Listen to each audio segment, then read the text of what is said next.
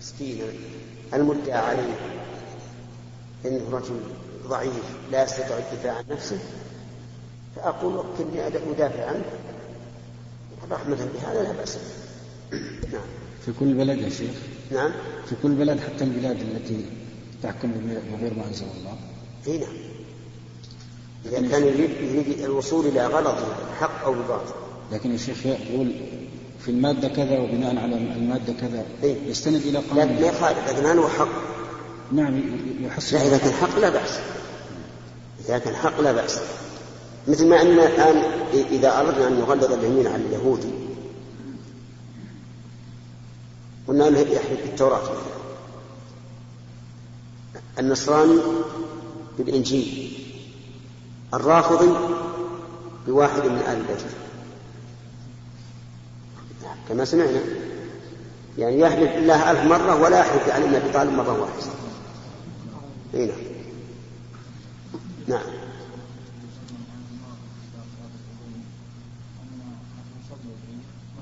نعم. اي نعم. ونحن نثبت الآن. اي نعم. إحنا قلنا انه على المصلى إما مصلى العيد أو مصلى الجنازة. أليس كذلك؟ إن كان مصلى الجنائز فلا شيء إن كان مصلى العيد فأوله أولوه بأن المراد بالمصلى أي بقرب لا في نفس المصلى. كما قالوا إن الرسول نحر وذبح بالمصلى. يعني بقرب المصلى. نعم. أخذنا ثلاثة؟ نعم.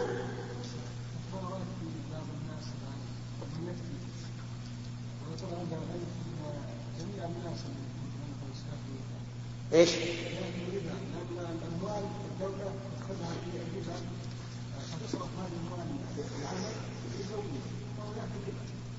ماذا تقول في رسول الله صلى الله عليه وسلم؟ يأكل الربا. قل.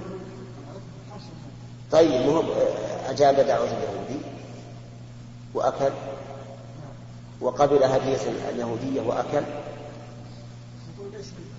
من يقول؟ الأصل في أموال اليهود أنه ربا. أكالون للسحت ثم أموال الدولة. الآن من قال له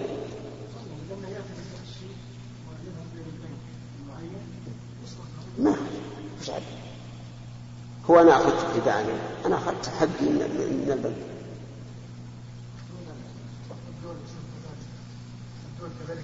أصبر. عرفت؟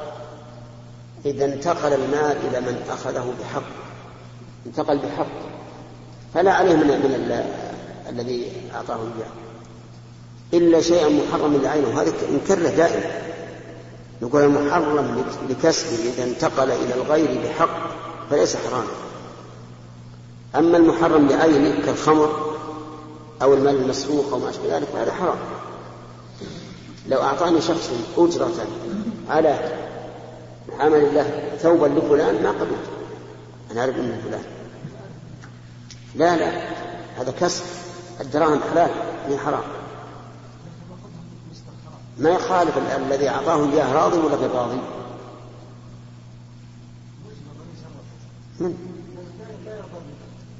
لا لا القصد هذا الذي أعطى الربا. يعني الحكومة إن كانت كما قلت هي اللي تعطي الربا. هي تعطي الربا ولا تأخذ؟ تعطي الربا كيف تعطي الربا؟ يعني تعطي الناس دراهم ربا أي نعم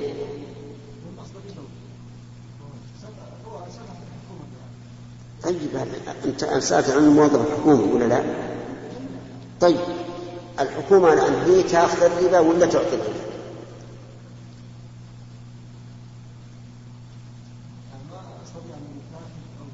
استطع ما دام قلت إنه ربا وأن كل الوظائف حرام الآن حتى اللي يدرسون في المدارس الآن حرام عليهم. ها؟ يعني يعطون التجار يعني يأخذون التجار أموال ويعطونه ربا.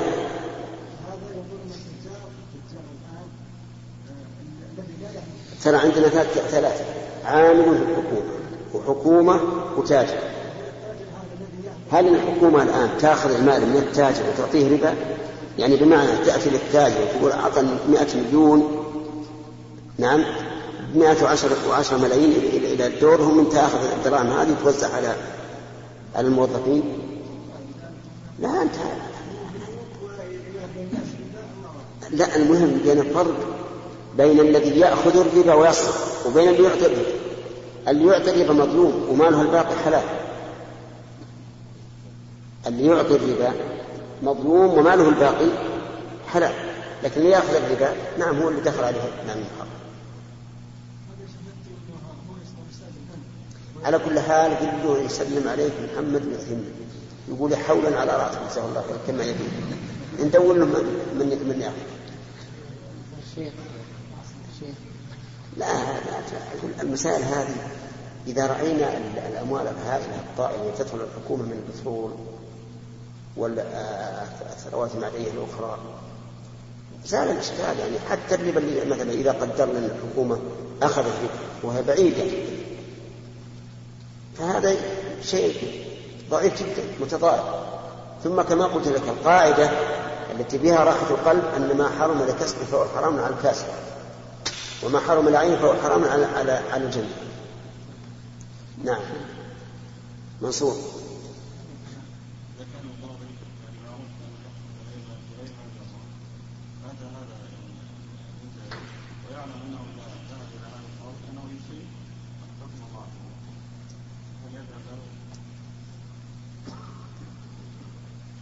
تراجع الطرق الحكمية أولها. نعم. عرفت الفقه في هذه المسألة. يقول شيخ يقول ابن القيم رحمه الله بعض الفقهاء الذين لا يعتبرون فقهاء الحقيقة أضاعوا حقوق الناس بهذه الطريقة. قال الذي لا الذي لا يحكم بما أنزل الله لا تتحاكم إليه مطلقا. فضاعت الحقوق. ولكن تحاكم إليه. إن حكم بالحق فخذ وإن حكم بالباطل لا تأخذ. لأن الآن لو, لو أننا قلنا من لم يحكم بما أنزل الله ما لا يجوز التحكم إليه. ضاعت حقوق المسلمين الآن.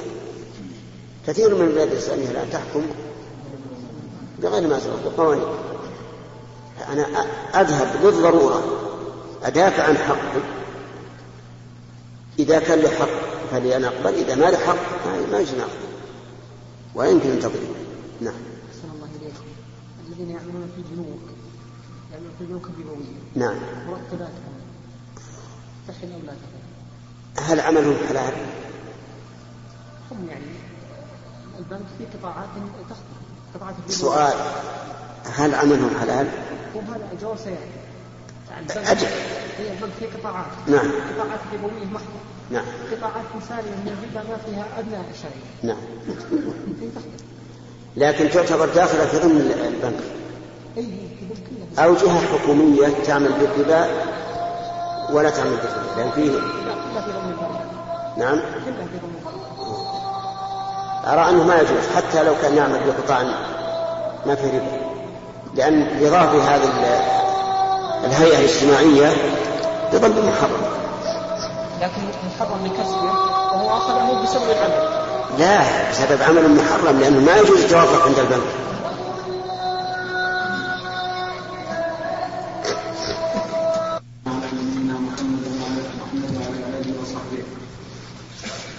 قال البخاري رحمه الله تعالى باب الشهادة تكون عند الحاكم في ولاية القضاء أو قبل ذلك للفصل القاضي وسأله إنسان الشهادة فقال ائت الأمير حتى أشهد لك. وقال عكرمة قال عمر لعبد الرحمن بن عوف لو رأيت رجلا على حد على حد زنا أو سرقة وأنت أمير فقال شهادتك شهادة رجل من المسلمين. قال صدق. وقال عمر لولا أن يقول الناس زاد عمر في كتاب الله لكتبت آية الرجم بيدي وأقر ماعز عند النبي صلى الله عليه وسلم بالزنا أربعة فأمر برجمه ولم يذكر أن النبي صلى الله عليه وسلم أشهد من حضر. وقال حماد إذا أقر مرة عند الحاكم رجم وقال الحكم أربعة. بسم الله الرحمن الرحيم. هذا الباب يتكلم فيه المؤلف رحمه الله البخاري عن شهادة الحاكم. إذا شهد للخصم في حال ولايته أو قبل أن يتولى القضاء هل يثني بهذه الشهادة أو لا؟ وسبق لنا أنه لا يدري بشهادته في حال القضاء وإنما يحيل القضية إلى قاض آخر ويشهد. أما أن يحكم بعلمه فلا. والآثار في هذا كما ذكر البخاري. قال وقال شريح القاضي شريح القاضي وسأله إنسان الشهادة فقال ائت الأمير حتى أشهد لك. وكان الأمراء في ذلك الوقت كالقضاة في علم الأحكام يتحاكم إليه. ائت يعني أنت وخصمك حتى أشهد لك يعني لا أشهد لك وأنا القاضي فأحكم بعلمي. وقال عكرمة قال عمر لعبد الرحمن بن عوف لو رأيت رجلا على حد زينا أو سرقة وأنت أمير فقال شهادتك شهادة رجل من المسلمين؟ قال صدقت. يقوله من؟ يقول عبد الرحمن بن عمر. يعني أنك لو كنت أميرا ورأيت أحدا على حد زنا أو سرقة فشهادتك شهادة رجل من المسلمين. وقال عمر لولا أن يقول الناس زاد عمر في كتاب الله لكتبت آية الرجم بيدي وجعلها زيادة لأنها نسخت فكتابتها بعد أن نسخت زيادة وأقر ماعز عند النبي صلى الله عليه وآله وسلم بالزنا أربعا فأمر برجمه ولم يذكر أن النبي صلى الله عليه وآله وسلم أشهد من حضر لماذا؟ لأن هذا الإقرار كان في مجلس الحكم وقد سبق أن ما أقر به الخصم في مجلس الحكم فإن للقاضي أن أن يحكم به ولا يحتاج إلى أن يقول هات الشهود لأنه بلغ. طيب وقال وقال أحمد وقال حماد إذا أقر مرة عند الحاكم رجم. ويحتاج إلى شهود؟ لا إذا أقر رجم. ولا يحتاج أن يطلب أن يطلب شهود يشهدون مع الحاكم. وقوله مرة بناء على أحد القولين في الإقرار بالزنا. وقد سبق هل يكتفى بواحد بإقرار مرة في باب الزنا؟ أو لا بد من أربع مرات والصحيح أنه يكتفى بالمرة إلا مع التردد. وقال الحاكم أربعا. يعني يقر أربعا استدلالا بحديث ماعز بن مالك نعم. نعم.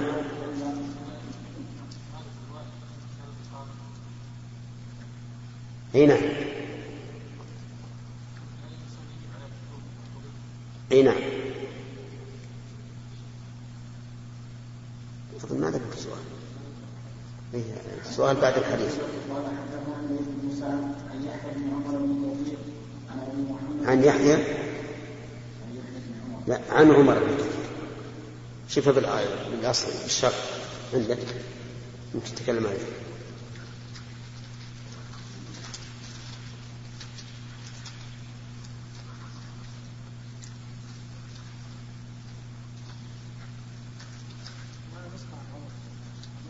لا لا لا.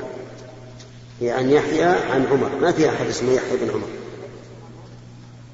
نعم. صح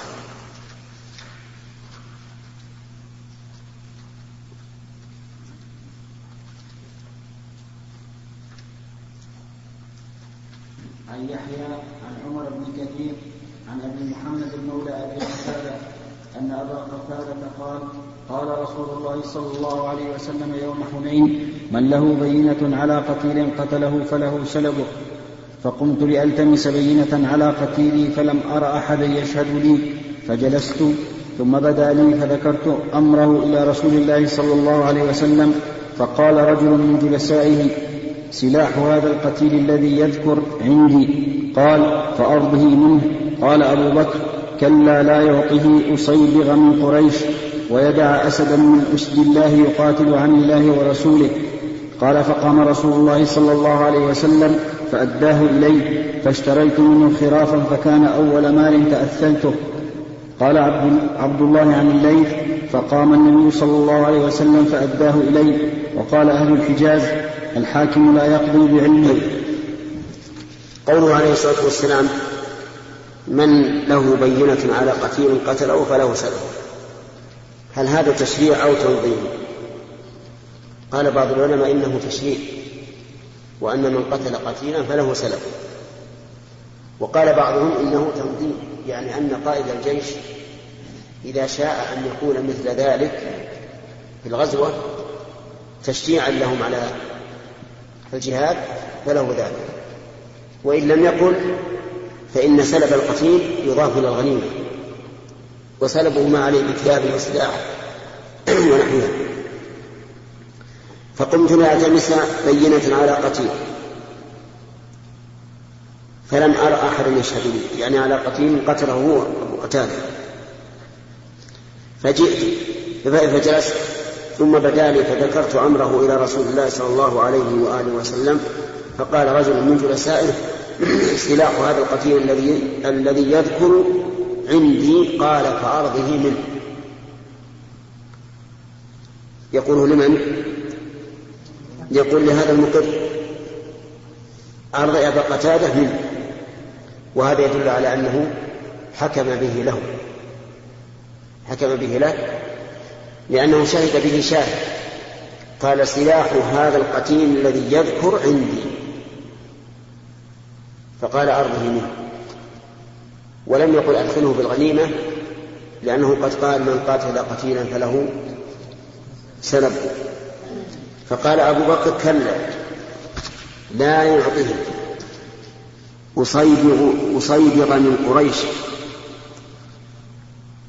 ويدع أسدا من أسد الله أسدا من أسد الله يقاتل عن الله ورسوله. اشرحنا الجملة يا مصطفى؟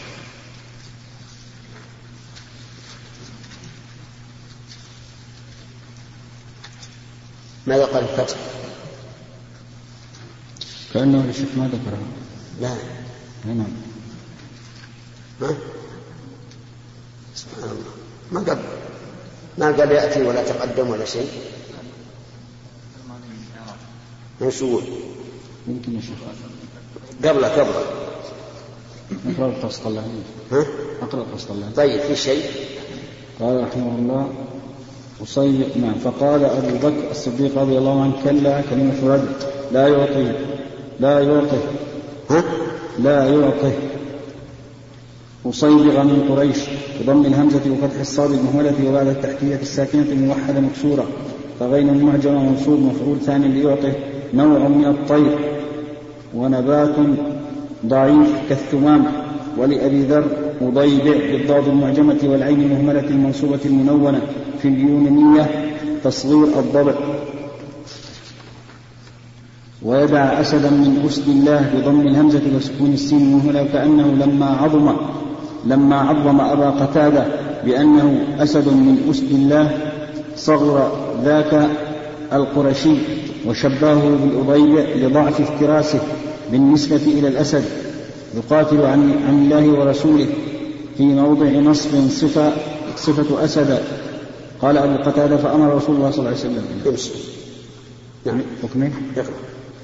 فأمر رسول الله صلى الله عليه وسلم الرجل الذي عنده السلب ولأبي, ولأبي ذر عن الحموي والمستملي فقام رسول الله صلى الله عليه وسلم وللأصيل وأبي ذر عن الكشميهني فحكم رسول الله صلى الله عليه وسلم أي لي أن السلب لي. فأداه إلي بتشديد الياء فأخذته فتبع فبعته من حاطب بن أبي بلتع بسبع أواق فاشتريت منه فرافا بستانا فكان هو أول مال تأثلته بمثلثة مشددة اتخذته أصل المال واقتنيته وإنما حكم صلى الله عليه وسلم بذلك مع طلبه أولا البينة لأن الخصم اعترف مع أن, مع أن المال لرسول الله صلى الله عليه وسلم يعطيه من يشاء والحديث سبق في البيوع والخمس. قال المؤلف قال عبد الله. نعم. الآن أبو بكر رضي الله عنه آه، قال أرضه منه. قال أبو بكر كلا والله لا يعطيه أصيبغ أصيبغ من قريش. أو أضيبع ويدع أسدا من أسد الله. الأسد من أسد الله هو أبو أبو قتادة. فأمر رسول الله صلى الله عليه وسلم فأداه إليه يعني الرجل. فاشتريت منه أي به فمن هنا بدلية. اشتريت منه أي به خرافا. الخراف هو البستان لأنه يخرف ويجنى. فكان أول مال تأثلته. نعم.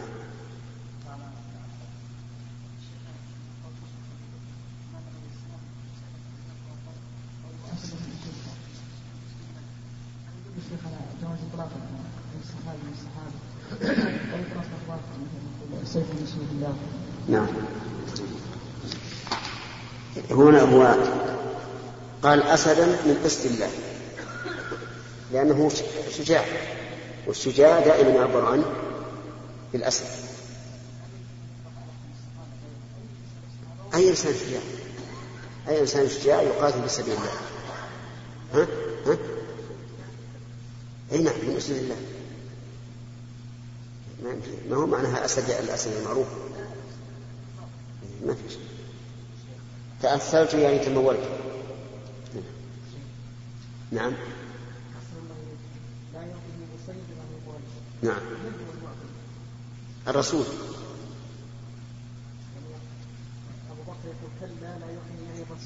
أي نعم. مع الرجل لكن الرسول قال أرضه منه. أرضه منه إذا قال أرضه منه معناه أنه ملك. ولا ولا يتخذ عليه عوض. فهو معناه يعني لا يعطيه عوضا عنه لأنه إذا أعطاه عوضا عنه صار, صار كأنه له. نعم. وقال أهل الحجاز الحاكم لا يقضي بعلمه شهد بذلك في ولايته أو قبلها. ولو أقر خصم عنده لآخر بحق في مجلس القضاء فإنه لا يقضي عليه في قول بعضهم حتى يدعو بشاهدين فيحضرهما إقراره.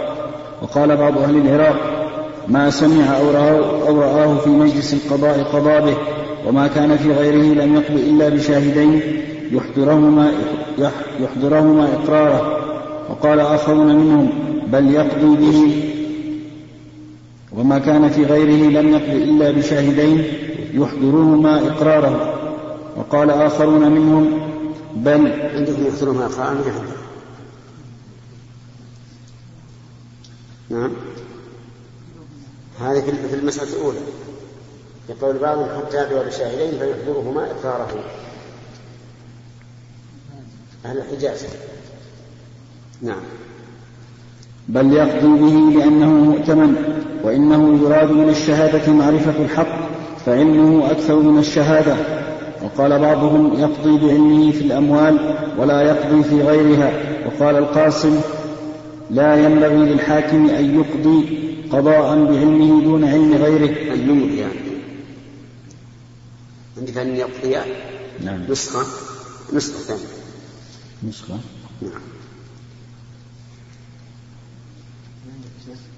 أنا عندي يمضي يمضي إيه أقول نسخة ثانية. نسخة ثانية الفتح والقاف أنا عندي بالضم والميم. لا ينبغي للحاكم أن يقضي قضاء بعلمه دون علم غيره مع أن علمه أكثر من شهادة غيره ولكن فيه تعرضا لتهمة نفسه عند المسلمين وإيقاعا لهم في الظنون. وقد كره النبي صلى الله عليه وسلم الظن فقال إنما هذه صفي إنما هذه صفية. وسبق لنا الكلام في هذه المسألة هل يقضي بعلمه أو لا. وذكرنا أنه يقضي بعلمه في ثلاثة أمور. وهي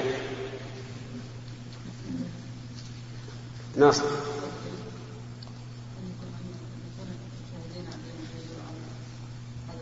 لا. لا. لا. هذا واحد. فيما اشتهر إشرافي وما علمه في مثل القضاء. محمد؟ نعم. في عدالة الشؤون نعم.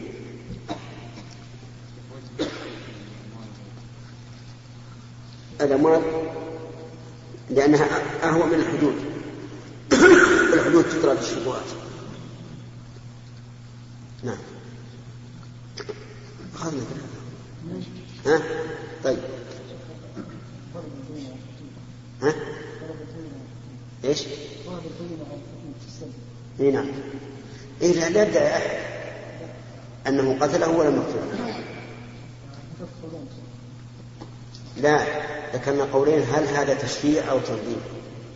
إذا كان تشريع فمعناه أنه يثبت له السلب سواء فرضه القائد أم لم يفرضه وإذا قلنا تنظيم فإنه لا يثبت للقاتل إلا إذا قاله القائد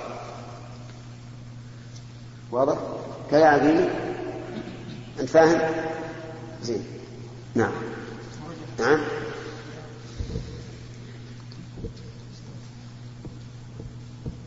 والله أنا متردد في المسألة. وقد مر علينا مثل هذه المسائل. وقلنا الأصل أن ما قاله الرسول صلى الله عليه وسلم فهو تشريع. فنأخذ بالأصل إلا إذا قام الدليل البين. نعم. حدثنا عبد العزيز بن عبد الله الويسي قال حدثنا إبراهيم بن سعد عن ابن شهاب عن علي بن حسين أن النبي صلى الله عليه وسلم أتته صفية بنت حيي فلما رجعت انطلق معها فمر به رجلان من الأنصار فدعاهما فقال إنما هي صفية. قالا سبحان الله. قال إن الشيطان يجري من ابن آدم مجرى الدم. رواه شعيب وابن مسافر وابن أبي عتيق. عتيق؟ نعم. عتيق ولا عتيق؟ عتيق. عندنا بالضم. وابن أبي عتيق وإسحاق بن يحيى عن الزهري عن علي يعني ابن حسين عن صفية عن النبي صلى الله عليه وسلم.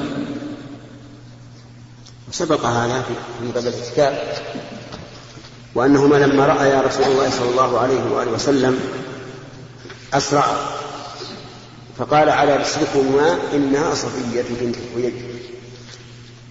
وأسرع خجلا من الرسول عليه الصلاة والسلام وليس سوء ظن بالرسول. ولهذا لما قال لهما سبحان الله لما قال إنها صفية قال سبحان الله. ما عندنا إشكال في الموضوع. ولكنه قال إن الشيطان يجري من ابن آدم مجرى الدم وإني خشيت أن يقذف في قلوبكما شرا وفي لفظ شيئا. الله إليكم. إذا قلنا بأن إعطاء القتيل السلف القاتل السلف من باب التشريع. فكيف يمكن اليوم أحسن الله إليكم مع تقدم الأسلحة وأن الإنسان قد يطلق الأسلحة الجوية والبرية والبحرية ولا يدري من نعم. قد يقال إن هذا ما هو سلاح خاص به. يعني مثل طائرة مسلحة. ما هي خاصة به؟ لكن في سلاح الذي على كتفه مثلا. اللي على كتفه من السلف لكن كيف يدرى بأنه أصاب به أو لم يصب؟ لأنه بعيد لا هو الآن المصاب الكافر هذا هذا مثلا رماه فسقطت الطائره فوجدنا القائد قائد الطائرة كل سلاح لكن مثلا نحن مجموعة على فرس مثلا كلنا مع صف صف نعم. ونطلق النار على الأعداء. نعم. فلما انتهت المعركة لم نظرنا في الأعداء فإذا القتلى مثلا 20 نعم.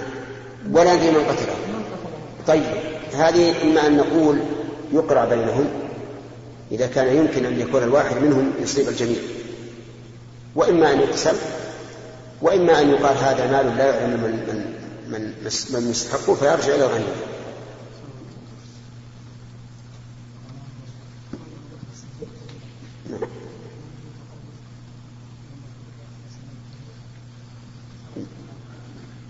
لا هذا من جنس الإقسام على الله. الإقسام على الله أحيانا ينكر وأحيانا يشكر الرجل الذي قال والله لا يغفر الله لفلان أنكر الله عليه ذلك. وأنس بن نضر لما قال والله يا رسول الله لا تكسر ثنية الربيع أثنى عليه الرسول عليه الصلاة والسلام. قال إن من عباد الله من لو أقسم الله لأبره فأبو بكر لا يريد الاعتراض على الرسول وحاشاه من ذلك لكنه أراد قوة الطمع. حمله على ذلك قوة الطمع في رسول الله صلى الله عليه وآله وسلم وهو يعلم أن الرسول سيوافق على ذلك أو يغلب على ظنه كثيرا. نعم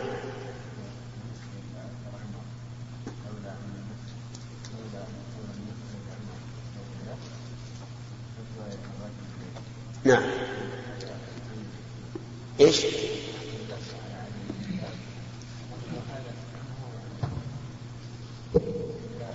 يعني كتبها وبين أنها منسوخة. لكن ما ما يمكن يحكم بعلمه. نعم. أخذنا ثلاثة. باب باب أمر الوالي إذا وجه أميرين إلى موضع أن يتطاوعا ولا يتعاصيا. حدثنا محمد بن بشار قال حدثنا العقدي قال حدثنا شعبة عن سعيد بن أبي بردة قال سمعت أبي قال بعث النبي صلى الله عليه وسلم أبي ومعاذ بن جبل إلى اليمن فقال يسرا ولا تعسرا وبشرا ولا تنفرا وتطاوعا فقال له أبو موسى إنه يصنع في أرضنا البدء فقال كل مسكر حرام. وقال النضر وأبو داود ويزيد بن هارون ووكيع عن شعبة عن سعيد بن أبي بردة عن أبيه عن جده عن النبي صلى الله عليه وسلم. هذا سبق. الكلام عليه في أول الكتاب. وأن الرسول بعث معاذ بن جبل وأبا موسى الأشعري إلى اليمن ووجه كل منهما إلى ناحية وأمرهما أن يلتقيا. أمر أحدهما إلى إلى عدن والثاني إلى صنعاء وجههما هكذا. وأمرهما أن يتلاقيا يعني يلاقي بعضهم بعض يلاقي بعضهم بعضا من أجل التشاور والنظر الذي حصل وأوصاهما بهذا. وما ويا لها من وصية. يسر ولا تعسر وبشر ولا تنفر وتطاوع. وصايا عظيمة. أربع تيسير. وضده التعسير. فقوله يسر يعني لو اقتصر, لو اقتصر عليها ما كفى. لأنه إذا كان الأغلب التيسير صدق عليهما أنهما يسرا لكن لما قال لا تعسر معناه لا يوجد تعسير في أي حال من الأحوال. كذلك بشر ولا تنفر ولم يقل ولا تنذرا وفرق بين الأمرين. الإنذار الذي لا يحصل فيه التنفيذ حق ولا ينهى عنه. وقد بعث النبي صلى الله, صلى الله عليه وآله وسلم بشيرا ونذيرا.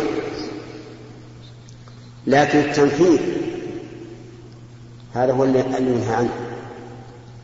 والإنذار قد يكون في موضع لا لا ينفر قد قد يوجد في موضع ولا ينفر الناس منه. وقد يكون التبشير في موضع أولى من الإنذار أو بالعكس. فلهذا نهى عن التنفيذ. حتى أن الرسول صلى الله عليه وسلم لما أطال معاذ الصلاة قال إن منكم منفرين. معاذ أو الرجل الآخر الذي صلى بأصحابه صلاة الفجر. قال إن منكم منفرين. فهذا من التنفيذ. وبشر كيف أبشر كيف أبشر الكافر؟ ماذا أقول؟ أقول له أبشر إذا أسلمت بأن الله يغفر لك ما مضى وأنك كأنما ولدت اليوم وأن لك الجنة وأنك تنجو من النار وأنك تحشر مع النبيين وما أشبه ذلك. هذا من التبشير. لكن التنفير لو قال أسلم يا حمار ولا لك النار. نعم؟ هذا يقبل الإسلام ولا ما يقبل؟ نعم؟ أبدا. هذا يوقد النار في قلبه ولا يقبل على الإسلام. فالتبشير غير غير التنفير. التيسير إذا رأينا جاهلا مثلا عمل عملا محرم وكان لو لو آخذناه بهذا العمل لكان فيه عسر عليه. نيسر رجل آخر يشق عليه أن يصلي بالماء مثلا. نيسر عليه يقول صلي بالتراب. رجل ثالث لا يستطيع الصوم. يسر عليه نقول صم أيام أخرى. وإذا كان لا يرجى زوال عجزه قلنا له أطعم كل يوم مسكين مسكينا. وهكذا. المهم أن نطلب التيسير بقدر المستطاع ما أمكن وفي هذا دليل على ترجيح ما سبق أن قلناه الأخ وش تنظر؟ وش تنظر؟ أنا أذكر لما كنت طالبا فمرت طيور طيور من اللي ما هي حمام معتاد وأعجبتني ورفعت رأسي فقال الشيخ عبد الرحمن السعدي رحمه الله صيد العلم خير من صيد الدنيا نعم. يعني مجرد مرغة بصر. فلذلك ينبغي لطالب العلم أن يحرص لأنه إذا فاتته كلمة رب, رب, رب كلمة بعدها تكون مبنية عليها ثم يضيع طيب. ذكرنا فيما سبق أن العلماء إذا اختلفوا على قولين ولم يتبين الرجحان بينهما. فمن العلماء من قال يأخذ بالأشد لأنه أحوط. ومنهم من قال يؤخذ بالأيسر لأنه أوفق لقواعد الشريعة. والأصل براءة الذمة. وهذا أقرب. القول الثاني أقرب. لأنه كلما أمكن سلوك التيسير فهو أولى مع أن الأصل كما قالوا براءة الذمة فلا نلزم إلا بدليل ولا نمنع إلا بدليل. ومثل ذلك العام إذا اختلف عنده المفتون ولم يترجح عنده أحدهم فإنه هل يأخذ بالأشد أو بالأيسر؟ على هذين القولين. أو يخير العام أيضا بعض العلماء يقول يخير لأن كل من من الأشد والأيسر غير معصوم يحتمل الخطأ فهو بالخيار إن شاء أخذ بقول هذا وإن شاء أخذ بقول هذا. وهذا إذا لم يكن العام قد استفتى شخصا ملتزما بما يقول. فإن كان قد استفتى شخصا ملتزما بما يقول معتقد أنه الحق. فإنه لا يجوز له أن يستفتي آخر. حكاه بعض العلماء إجماعا. مثل أن أذهب إلى شخص عالم أرى أن قوله أقرب للصواب فأستفتيه. فإذا أفتاني بما لا يجوز بما لا أهوى ذهبت إلى غيره وسألته هذا حرام. لأن هذا من باب التلاعب بدين الله. لكن لو استفتيته لأنني لم أجد غيره في هذا المكان فقلت أستفتيه اليوم حتى أجد من هو أعلم. ففي هذه الحال لي أن أسأل لأن هذا التزام لأن هذا التزام مشروط كذلك لو استفتيته ملتزما قوله عازما على ذلك ثم سمعت عالما آخر أعلم منه يتكلم عن المسألة ويبين دلائلها ويقول قال بعض العلماء كذا بما أتيت به والصواب كذا ودليله كذا والجواب عن دليل الأول كذا. فحينئذ لي أن إيش؟ أن أنتقل إلى قول الثاني بل يجب علي. لأنه تبين لي بدون بدون فعل مني أن الصواب خلاف ما أتيت به. الله أكبر. الحمد لله رب العالمين وصلى الله وسلم على نبينا محمد وعلى آله وصحبه. قال البخاري رحمه الله تعالى باب إجابة الحاكم الدعوة. وقد نعم. إيش؟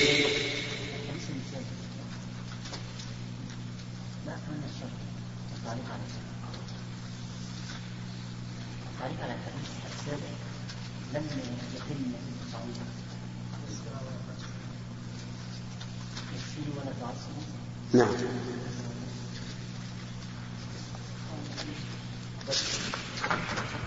اي نعم.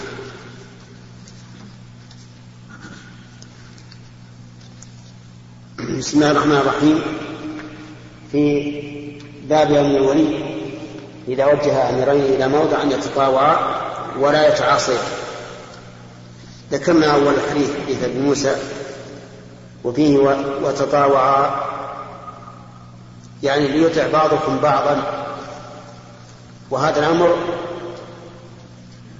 إما للوجوب وإما للاستحباب ولكنه مقيد بما إذا لم يرى أحدهما المصلحة فيما ذهب إليه. فإن رأى أحدهم المصلحة فيما ذهب إليه فلا حرج أن يختلف في الرأي. ولكن تجب تجب المطاوعة بقدر الإمكان أو تستحب حسب ما تقتضيه الحال. ثم قال له أبو موسى إنه يصنع بعضنا البتع فقال كل مسكر حرام. البتع نوع من الشراب من الخمر. فقال فقال النبي فقال النبي صلى الله عليه وآله وسلم كل مسكر حرام الضمير عندك يعود على من؟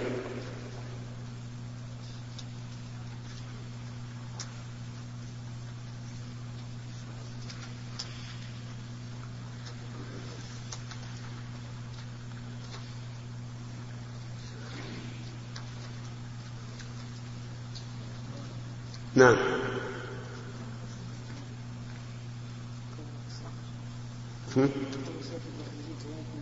أي مش تحويلات هذه. نعم.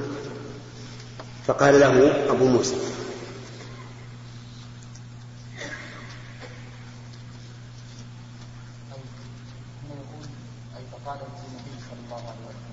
نعم انه يسمع بارضنا نعم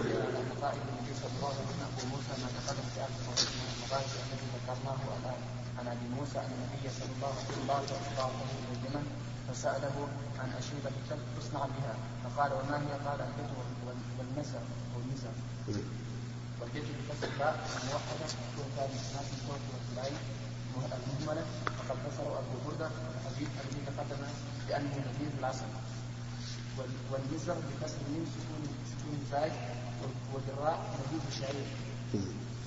طيب إذا صار القائل كل مسكر حرام النبي صلى الله عليه وآله وسلم. وعلى هذا فيكون كل مسكر حراما ولكن ما هو الإسكار؟ الإسكار تغطية العقل على وجه اللذة. أن يغطى العقل بشيء على وجه اللذة والطرب. وذلك أن تغطية العقل لها أقسام. تارة يغطى العقل من شدة الفرح وتارة من شدة الغضب وتارة من إغماء بمرض وتارة من إغماء من إغماء بصدمة فله أسباب وتارة من إغماء ببنج. كل هذا لا يدخل في قوله كل مسكر حرام الذي يدخل فيه المسكر الذي يغطي العقل على وجه اللذة والطرب. والشاهد من هذا الحديث أن النبي صلى الله عليه وآله وسلم أمرهما أي معاذ بن جبل وأبا موسى أن يتطاوعا. نعم.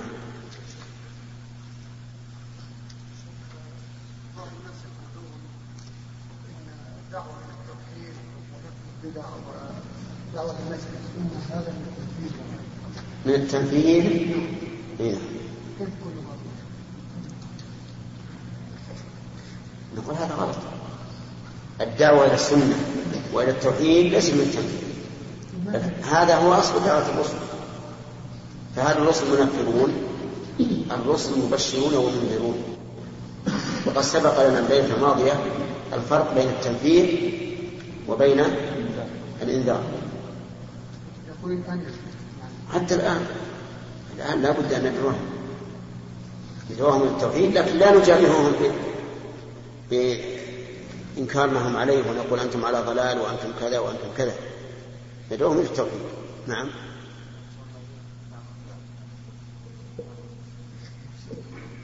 بعض إيش؟ نعم.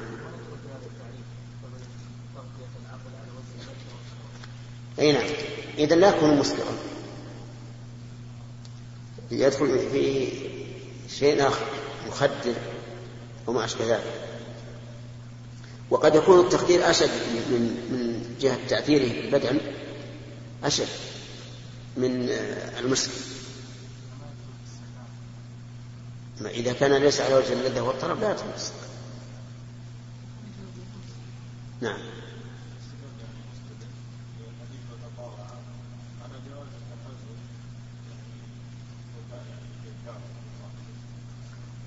نعم.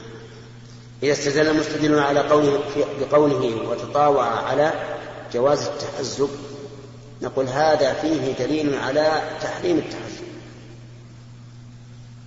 لأنهما لو انفرد كل واحد برأيه صار كل واحد حزبا. فإذا تطاوع التأم وكان حزبا واحدا. نعم. باب إجابة الحاكم الدعوة. قد أجاب عثمان بن عفان عبدا للمغيرة بن شعبة.